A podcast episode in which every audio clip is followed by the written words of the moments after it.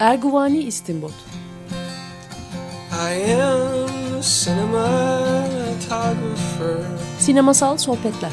And I walked away from New York City. And I walked away from everything that's good. Oh, I am a cinematographer. If you were Hazırlayan ve sunan Cüneyt Cebenayak.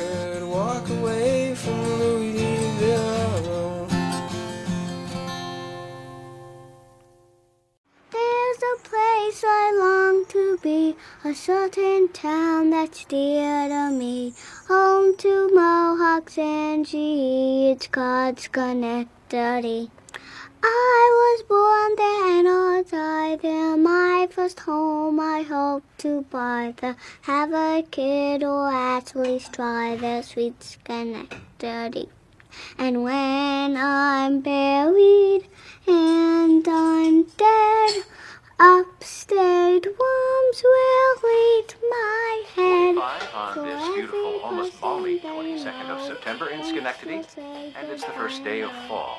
So, in honor of that fact, we have Elke Putzkammer, professor of literature at Union College, to talk about autumn in poetry and literature. Good morning, professor. Hi, Alex. So, what about it? Why do so many people write about the fall? Well, I think it's seen as the beginning of the end, really. If the year is a life, then September, the beginning of fall, is when the bloom is off the rose and things start to die. It's a melancholy month, and maybe because of that, quite beautiful. Is there something you might read to us? Oh, I'd love to. Whoever has no house now will never have one. Whoever is alone will stay alone, will sit, read, write long letters to the evening, and wander the boulevards up and down, restlessly, while the dry leaves are blowing. Goodness, that's harsh, isn't it? Well, perhaps, but truthful. Merhaba, 94.9 Açık Radyo'dayız. Erguani İstinbot programı. Ben Cüneyt Cebenayan, konuklarım Can Kılcıoğlu ve Doğa Kılcıoğlu ile Charlie Kaufman'ın e, Sinek Daki adlı filmini konuşacağız. Hoş geldiniz Doğa, Hoş geldin Can. Hoş bulduk merhaba. Merhaba. Merhaba. Programa e, filmden filmin de açılışında yer alan bir çocuk şarkısı ve bir radyo e, sesiyle, anonsuyla e, başladık. Çok enteresan oldu aslında bu planlanmış bir şey değil. Fakat oradaki radyocu, radyo programcısı şey diyor. Bugün 22 Eylül ve e, işte sonbaharın başlangıcı ve bir profesörle konuşuyor. O da işte sonbaharın ölümün başlangıcı olduğundan falan söz ediyor. İyi oldu yani biz de sonbaharda bu programı yaparak. Evet, evet. ve yani yayın, biz gerçi 22 Eylül'de kaydetmiyoruz bunu ama yayınlanacağı tarihte 22 Eylül tesadüf evet. olarak e, siz 22 Eylül'de dinliyor oluyorsunuz. Böyle bir şey. Evet, um, sizleri nasıl tanıtayım ya? Can İkiniz de filmcisiniz işte. Evet. Genel olarak film evet. film işindeyiz. Evet. Ee, yönetmeniz ikimiz de. Yönetmeniz ikimiz de. Ee, ben belgesel yapıyorum. Can da kurmaca öyle gidiyor. Evet. Bir, bir en son uzun metraj film yaptık Karnaval diye. Doğa yapımcısıydı. -hı. Ama normalde Doğa belgesel yönetmeni. Ben e, kurmaca film yönetmeniyim. Hı hı. E, Delice Film diye bir şirketimiz var. E, çok manidar ismiyle.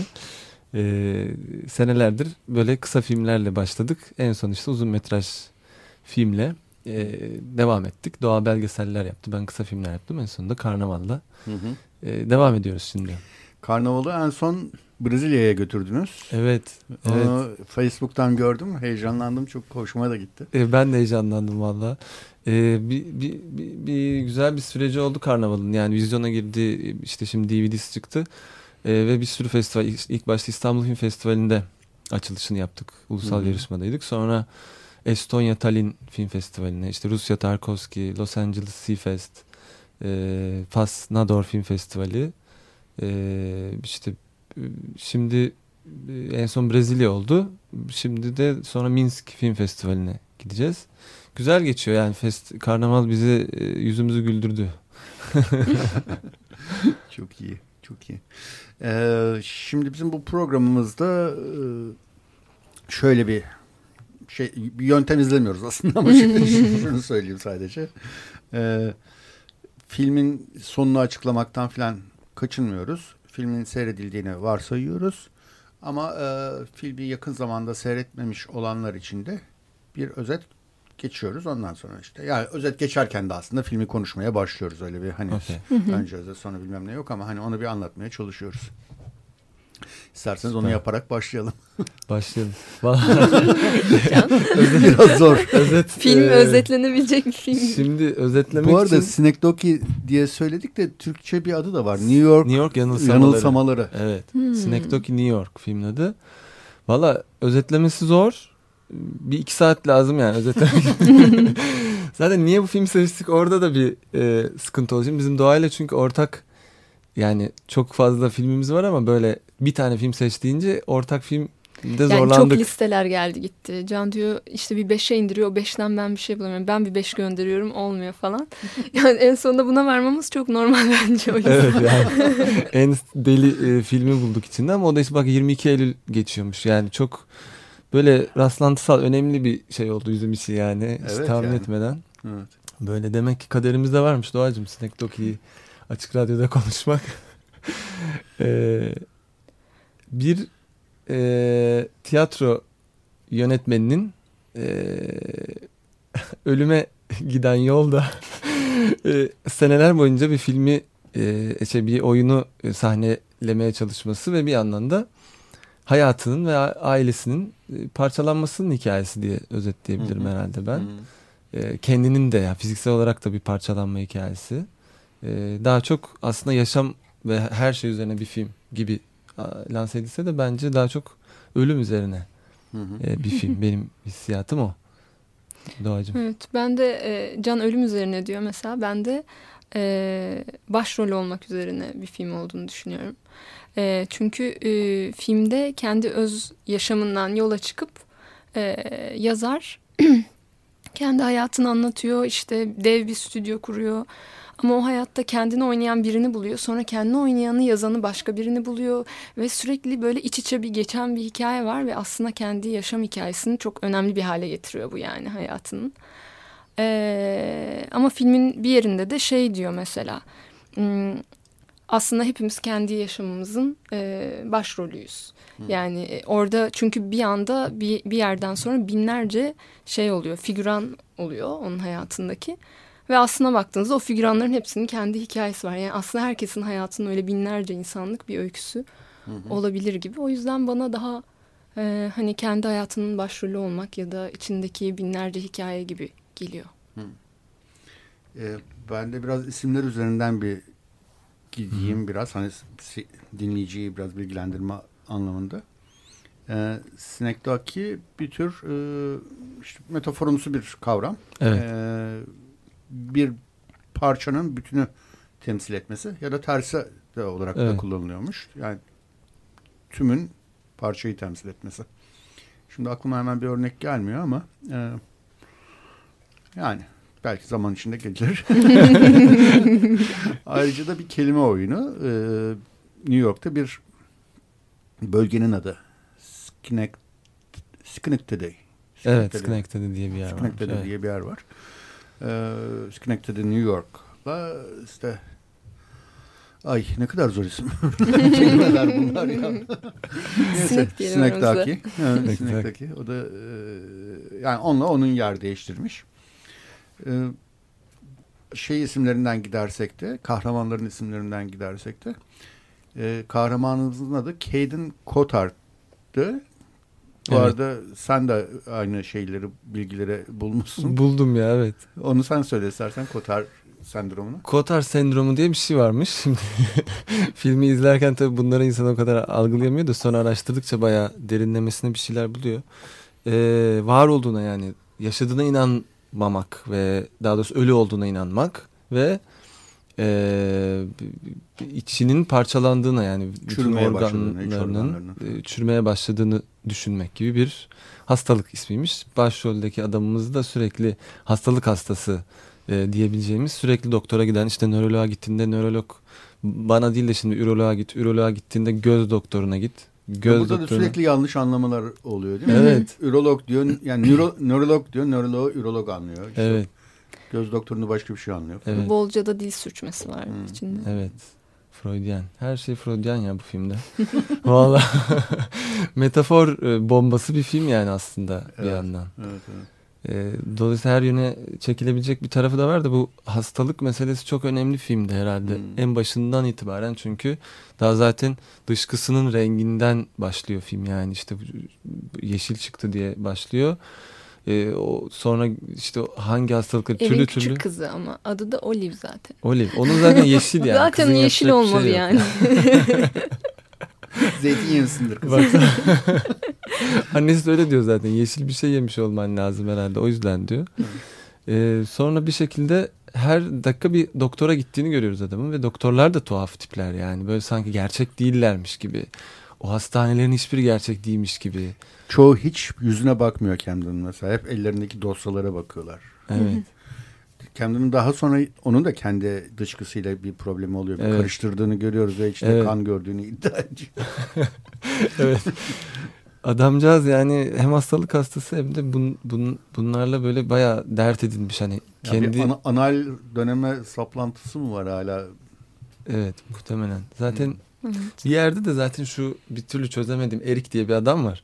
O- Bunu bir türlü anlayamadım yani Erik ile bunun bir cinsel eşcinsel ilişki de olduğu söyleniyor filmin bir yerinde ama yani o Erik bir kere karşımıza çıkıyor sonra kayboluyor ama ben hiç böyle bir şey yani ve filmin bütün yazılarında neredeyse eşcinsel bir tiyatro yazarı yönetmeni e, diye bir şey geçiyor ama yani bu, bu o kadar az anlatılıyor ki filmde.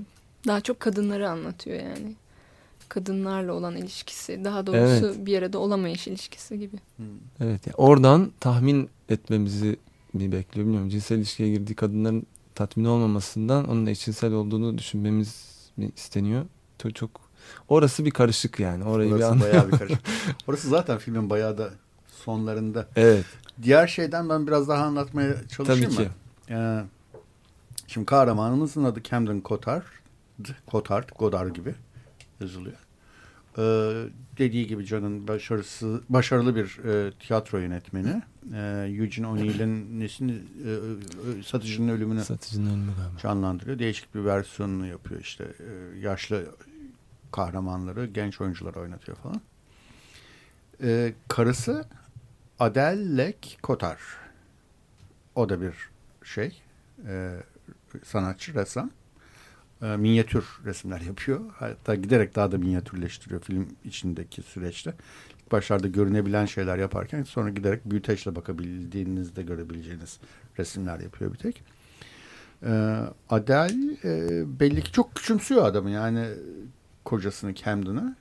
Öyle bir şey var ilişkilerinde bir soğukluk, uzaklık e, var. E, şeye gitmiyor mesela işte açılış gecesine Açılış gitmiyor gecesi. oyunun. Evet. Bir kız arkadaşı var sanki onunla bir lezbiyen ilişkileri varmış izlenimi veriyor. Ee, e, bir de yine Wikipedia'da yazıyor. Ad- Adele Kotar A Delicate Art. Hmm, evet. Vay vay vay. Açtıkça da- çıkıyor içinden. A Delicate Art yani nasıl çevrilir? Na- zarif bir sanat falan. Evet. Ee, hakikaten de yaptığı mincik mincik resimler falan. Evet. Öyle bir e, ne diyorlar ona tam hatırlamıyorum şimdi. Onun da bir adı var. Monde Green mi diyorlar? Hmm. Monde Green deniliyormuş işte ona.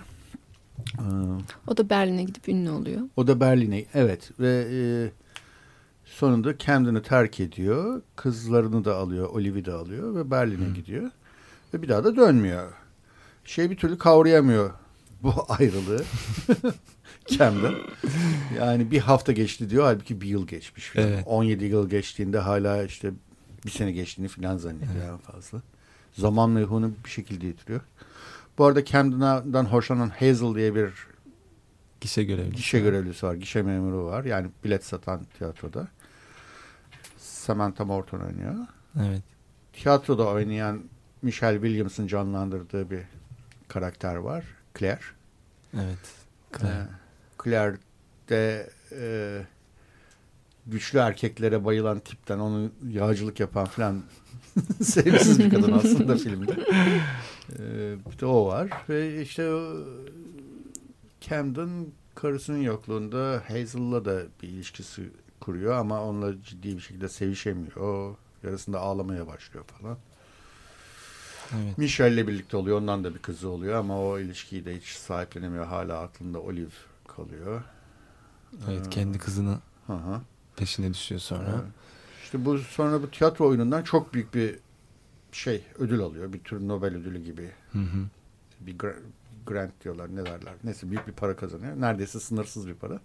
Ve onunla birlikte tam anlamıyla hayatı yansıtmaya çalışan bir prodüksiyona başlıyor. Ama birebir artık yani. Hani her şeyin New York'u olduğu gibi kurmaya kalkıyor. Hayatı olduğu gibi yansıtmaya kalkıyor. İçinde gezilebilen dev dekorlar evet. olan bir tabii, tiyatro yani. Tabii aynen yansıtmaya kalkınca aynen yansıtmaya kalkan bir oyunu da o New York'un içine koymak gerekiyor. O onun içine koyduğun aynen yansıtmaya çalışan oyunun içinde de bir ve bir yansımanın yansımasının yansımasının yansımasının böyle bir ayna içinde ayna gibi giden bir şey. Ve çok enteresan metaforlar var. Metafor mu diyeceğim artık neyse bir şey var. Mesela Hazel bir ev satın alıyor. Ev sürekli yanıyor. O evet. müthiş bir şey ya evet. gerçekten. Ee, o benim en çok güldüğüm sahnelerden biri olabilir yani gerçekten. Ya Hazel aslında e, bütün film boyunca en hani e, her şey çok normalmiş gibi Hazel'ın öyle yanan bir evde yaşaması en anormal şeymiş gibi ama aslında en normal şey Hazel'ın hayatı oluyor yani o yanan evde yaşaması.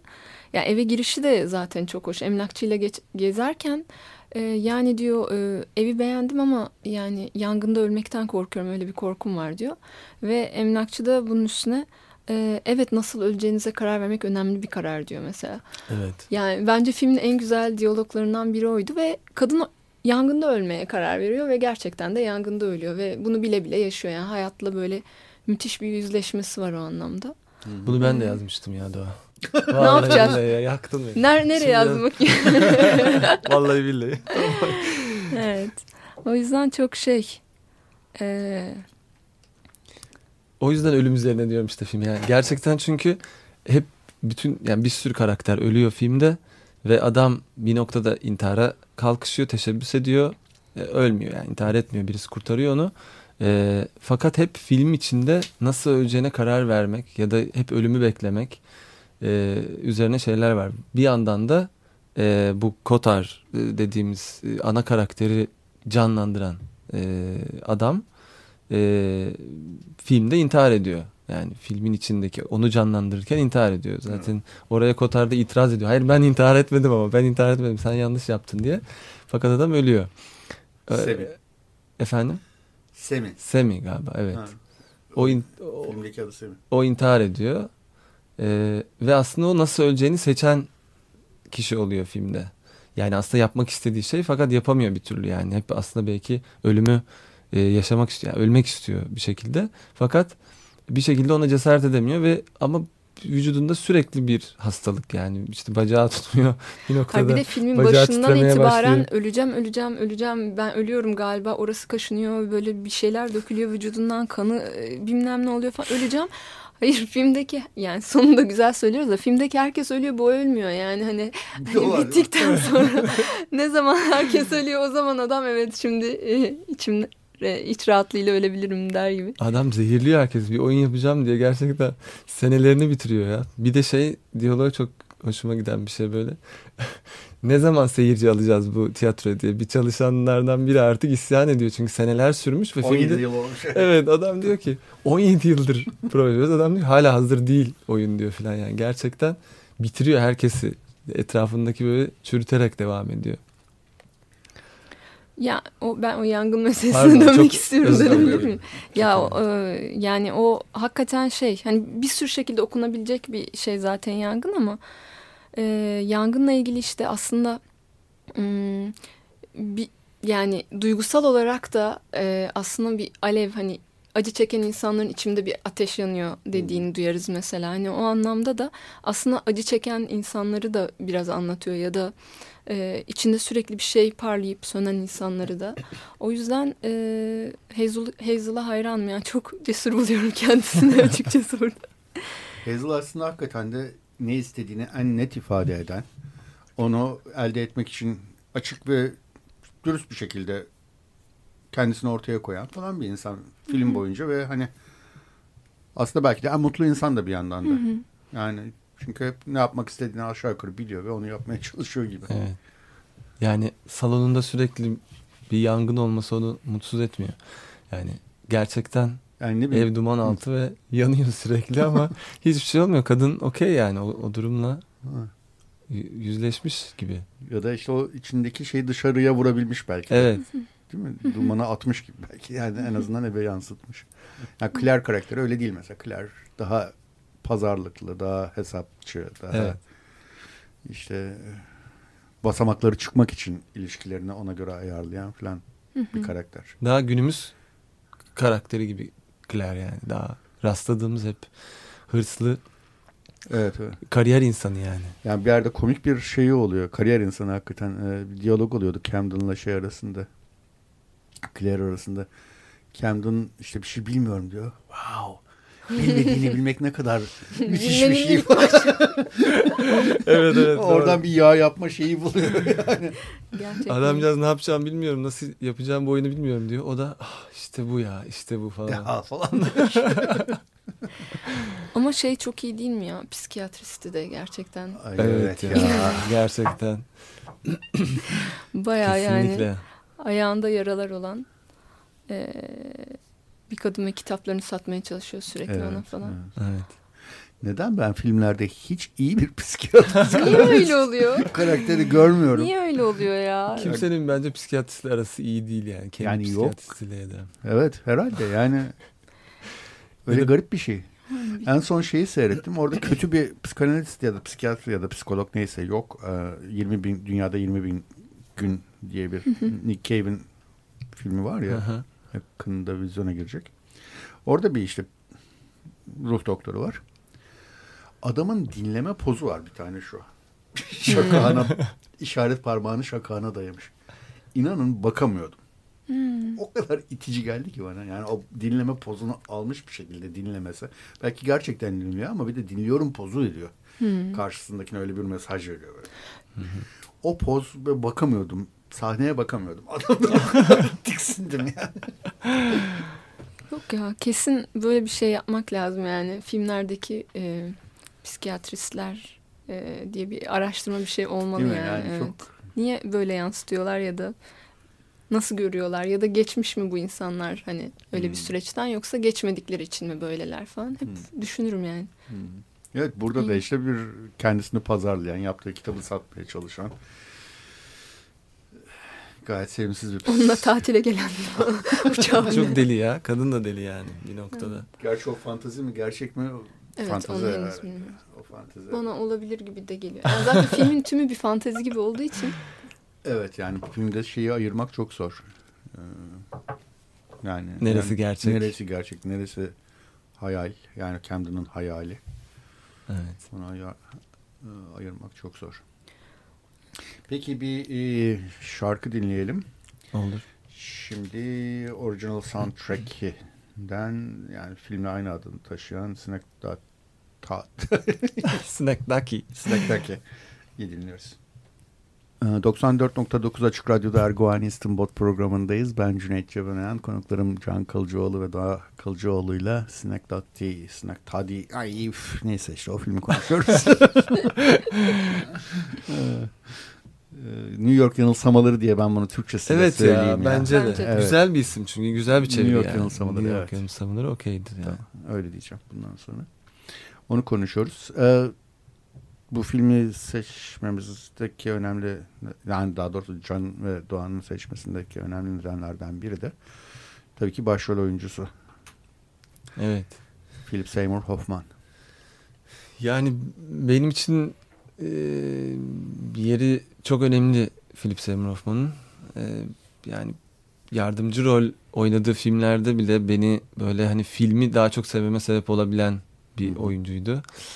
Ee, yani onlarca filmi var.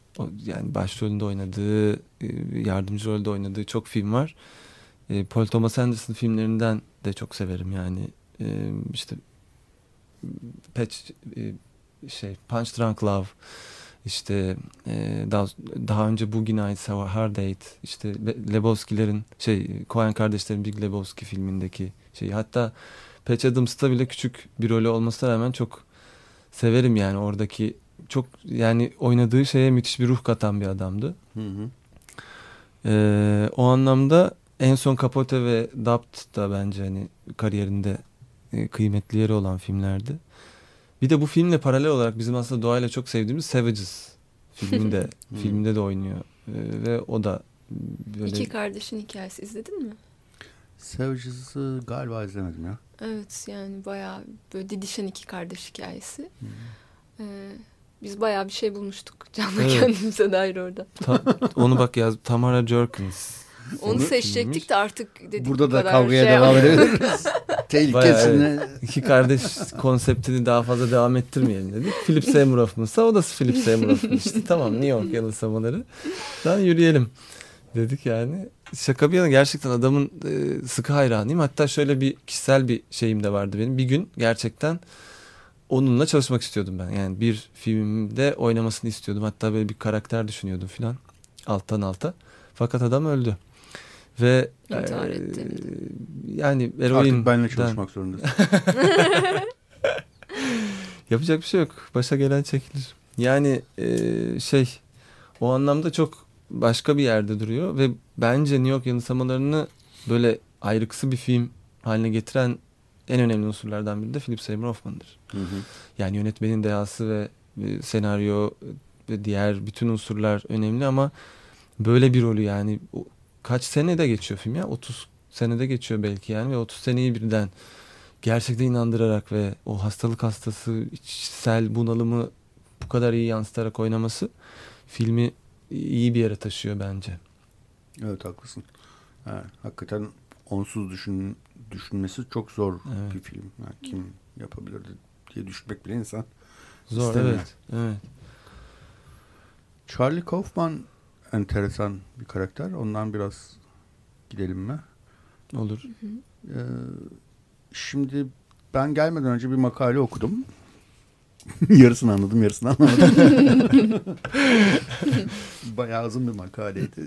Şimdi Lacan'ı iyi bilmek lazım makaleyi anlamak için ama bir kısmını yine de anladım. Onu biraz aktarmak isterim. Ee, aklımda kaldığı kadarıyla. Ee, Charlie Kaufman'ı işte şey de biliyoruz biz. Spike Jonze'un çektiği John Malkovich olmak. Aynen evet. Ee, başka filmleri de var. Bir de işte bu makalede üç filmini ele almış. Adaptation. Ee, o Türkçe'de nasıl oynadı? Uyarlama falan diye oynamadı herhalde. Ee, tuhaf, ters yüz. Ters, ters yüz, yüz diye oynadı. Ters yüz diye oynadı evet. Ve e, işte bu New York yanılsamalarını. E, mesela şeye işte e, kendilik kavramı var e, Lacan'da. Ben aslında şeyden takıldım. Bu bir de lek e, yok yokluk kavramı var. Hı hı. Lek eksiklik kavramı vardır Lacan'da. Kadının adı Adel Lek Cotard ya. Hı hı. Ya bu leke birileri takılmıştır. E, hmm. Lacancı bir takım psikanalistler diye düşünerek. Lacan Lek işte filmin adını falan yazdım. Bu makale çıktı karşıma başka da bir şey çıkmadı. Neyse orada enteresan bir şeyler söylüyor. E, ve bir çizgi çekmiş e, şeyden başlayarak Spike Jones, e, John Malkovich olmaktan. e, birincisinde e, e, Narsis, Narsisus'un hikayesini anlatarak giriyor. İşte Narsisus'a ne deniliyor? İşte sen eğer e, e, yansımanı e, gör görebilirsen e, uzun süre yaşayacaksın gibi bir şey söyleniyor. Ama Narsisus sudaki, ha, sudaki yansımasını daha iyi bak göreyim tam göremediğini falan düşüne düşüne suyun içine düşüyor ve ölüyor. Ya. Hı hı. İşte bu yani kendini görmek, ayna e, evresi denilen bir evre var. E, Lacancı teoride ya da Freud yani teoride anladığım kadarıyla. O kendilik kavramının, mevhumunun oluştuğu e, şey. Yani bir başkasında kendini, bir aynada kendini görebilmek. Ee, işte mesela Malkovich olmakta bu e, bu evrenin e, gerçekleşememesi üzerine. Yani aynada gördüğünün de aslında bir başkası oldu. Yani bir bir gerilim oldu. Gerçek kendinle aynadaki imgen arasında bir gerilim var. Aslında o bir başkası gibi. Yani bir başkasında kendini görebilmek aslında e, kendin olmaya giden yolda bir aşama gibi bir şey. John Malkovich de bir başkasının beynine giriyor ama e, e,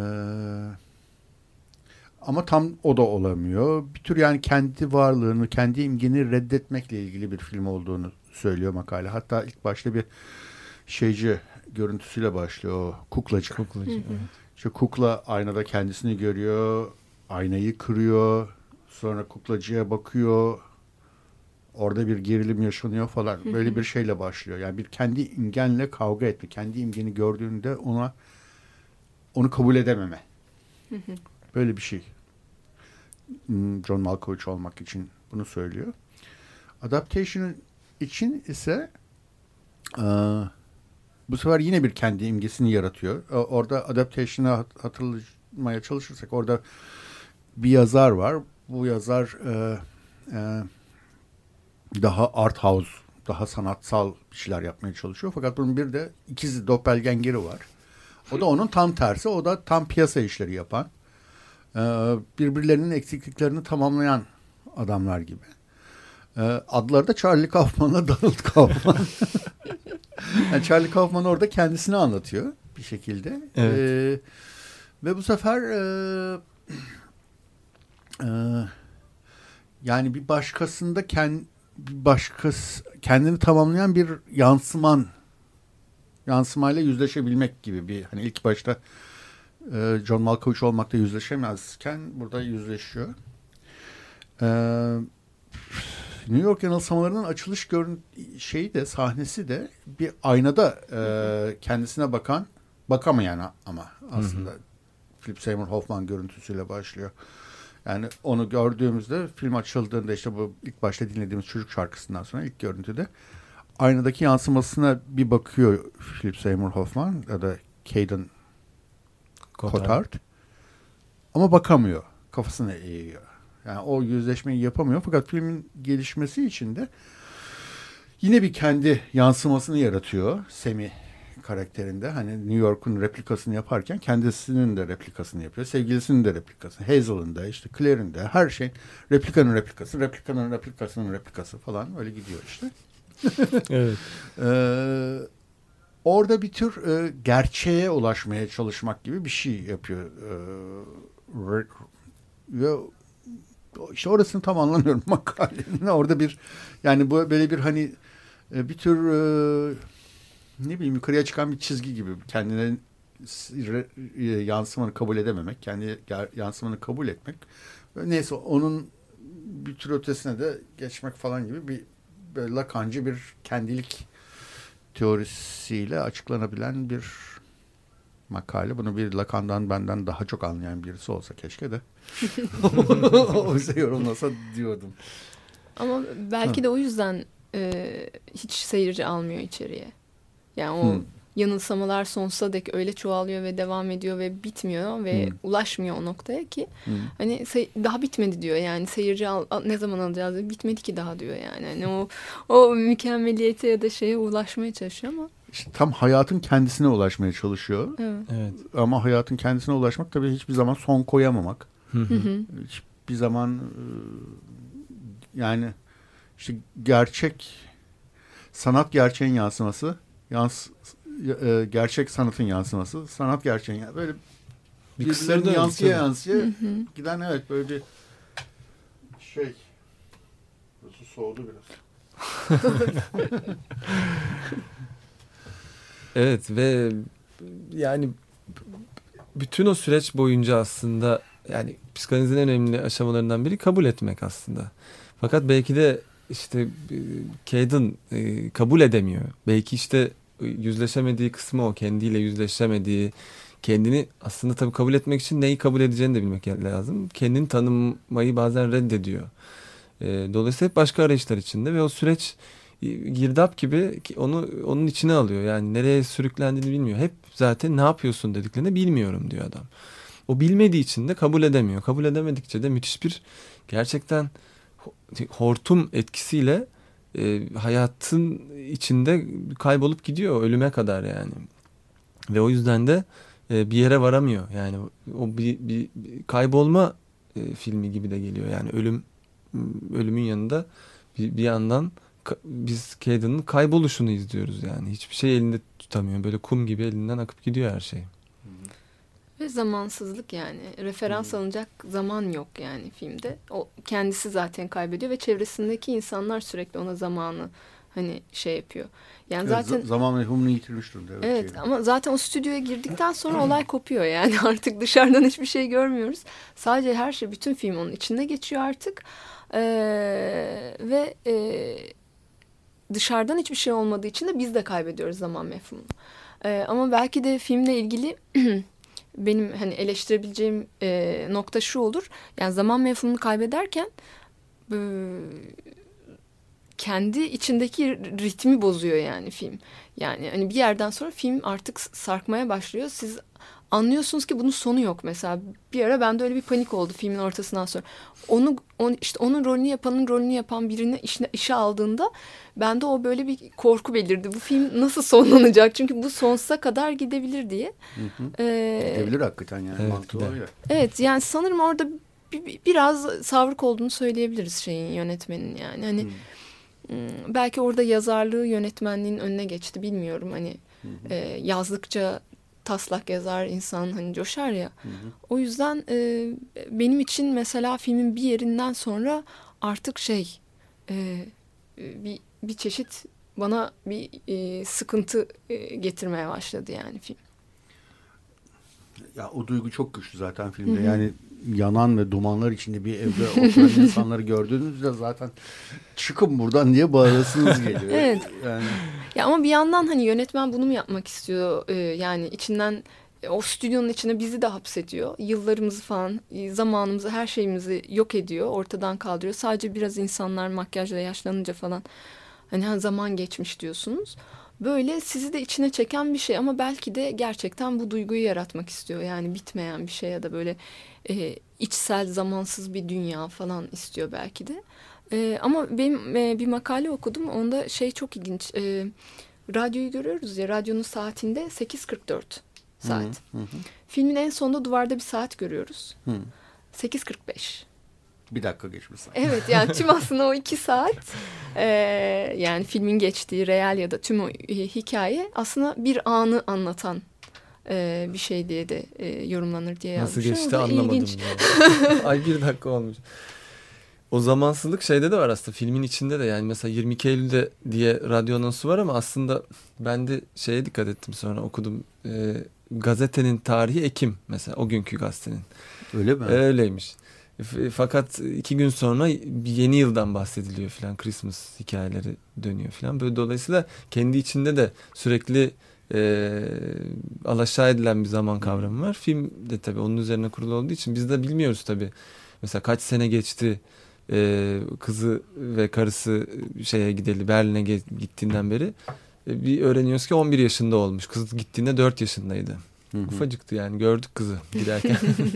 Fakat sonra 11 yaşında oldu ve biz bu adam ya onu zannediyor ki hala 4 yaşında. Çünkü biz evet. de öyle zannediyoruz aslında. Evet. Seyirciye de bunu söylüyor. Biz farkında değiliz zamanın Değil, geçtiğinin. Sonra bir başkası söylüyor ya 11 yaşında artık o ya sen ne zannediyorsun hı. diyor. Gerçekten 11 yaşında mı falan oluyoruz biz de. Sonra 21 yaşındaki kıza çocuk şeyi gönderiyor pembe falan. Evet. Değil mi? E, pembe oyuncak gönderiyor. Ha. Sonra onun kırık şeyini depoda buluyor. arkada buluyor filan arka bahçede.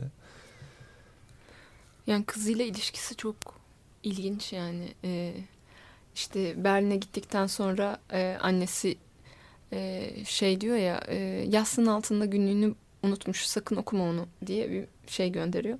E, tabii ki açıp okuyor ve Derhal, evet. yani o o kadar e, şey ki kızı yani kızıyla birlikte günlükte büyüyor yani günlükte yazanlar da. Hı hı. E, evet o günlük evet. ne zamandan kalma halbuki kız bayağı cinselliğini keşfet gittiği anı falan da anlatıyor. Anlatıyor. Yazısı değişiyor. İşte büyüdükçe hmm. o şey değişiyor falan ve o da gerçek değil aslında yani sonuçta bıraktığında evet. 4 yaşındaydı evet. fakat kızın e, bütün ergenliğini neredeyse okuduk o günlükte. Okuduk evet.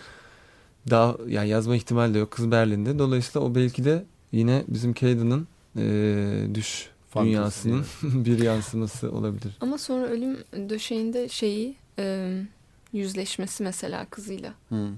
Gidip hastanede ve e, iletişimlerini e, bir kulaklarına işte kulaklık takarak bir çevir çevirme çeviri yapan bir makineyle mesela şey konuşuyorlar. Hmm, hmm. O, o çok ilginçti yani yıllar geçmiş ve ben hani kız Almanya'da büyümüş İngilizce bilmiyor güya işte hani şey öyle bir mantığı var. Kız Almanca konuşuyor adam İngilizce duyuyor o İngilizce konuşuyor kız Almanca duyuyor falan.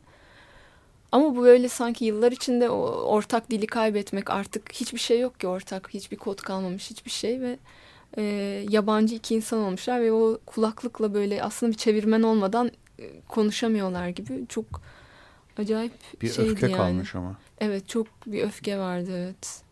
Özür dilemesini isteyip. Evet. Ha. Ve dilemiyor özür dil yani dil, dilese de affetmiyor falan. Dilese de çok affetmiyor. Sert Orada bir acayip bir şey yok mu böyle bir filmde çok böyle bir homofobi var kahramanlarda. Yani daha doğrusu Caden'da. Hem kendisinin eşcinsel ol Yok başkalarının kendisine eşcinsel sanmasından mı korkuyor? Evet. Bir şey, öyle bir şey var. Bir de kızının eşcinsel olmasından çok irite oluyor belli ki. Hı hı. Zaten kendi eşcinselliğiyle ilgili galiba bir yine e, hangi karakter Hazel mıydı? Yani biriyle seviştikten sonra e, eşcinsel misin yani yok değilim değilim canım filan yani e, diyor mesela yani çok irkilerek söylüyor evet. bunu. Ee, ve kızının eşcinsel olduğunu öğrendiğinde de çok irite oluyor gerçekten. O bir de onu Berlin'e götüren Maria karakteriyle birlikte olması. Maria'dan nefret ediyor. Yani. Evet ondan bayağı nefret ediyor. Hatta kız kadını dövüyor bir yerde yani Hatta, kafede. Hmm, tabii onlar da işte yine fantezi ger gerçek filmin gerçekliğinde. Kızının ölüm nedeni Maria'nın kıza yaptığı dövmelerin evet. zaman içinde zehirlemesi ama ne oluyor? Hmm. Çiçek yaprakları dökülmeye başlıyor evet. şeyde dövmedeki. Evet. Yani,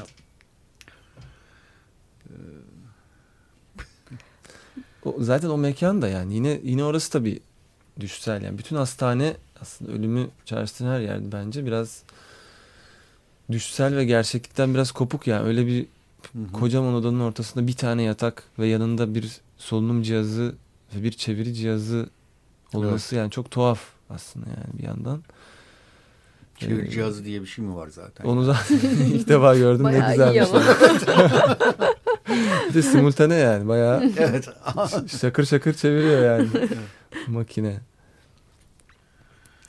Evet dünyanın en tuhaf filmlerinden biri. Bu arada çok da e, hayranı var. Yani e, mesela işte sinema eleştirmenliğinin Amerika'daki duayenlerinden Roger Ebert hmm. 2000 2010 döneminin yani o o o 10 yılın en iyi filmi. En iyi filmi diyor evet.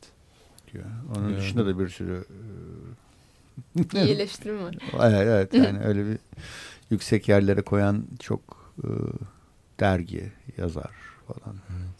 Var. Manola dergisi var. New York Times'ın yazarı. O da çok büyük övgüler düşüyor filme. Tuhaf bir film hakikaten. Evet gerçekten.